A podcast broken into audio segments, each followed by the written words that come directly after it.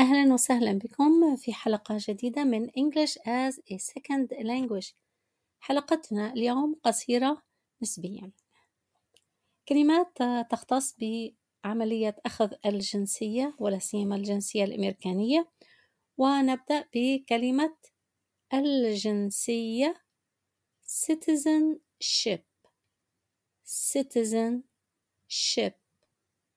citizenship.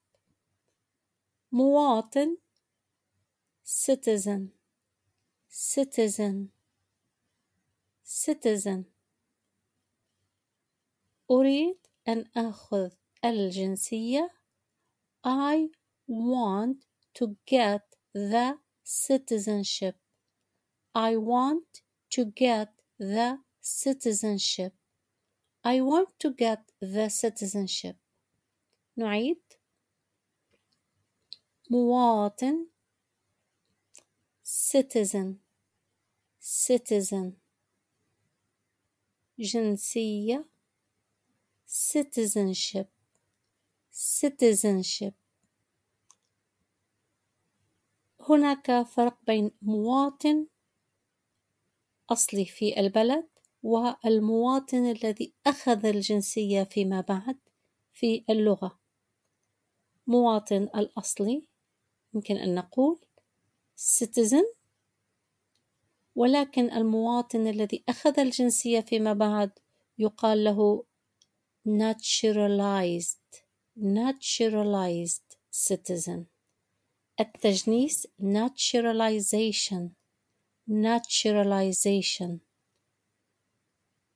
التجنيس naturalization فإذا الجنسية هي حالة كونك مواطن أو مواطنة في بلد معين أما التجنيس فهو عملية الحصول على الجنسية من خلال الوسائل القانونية عادة بعد استيفاء شروط معينة.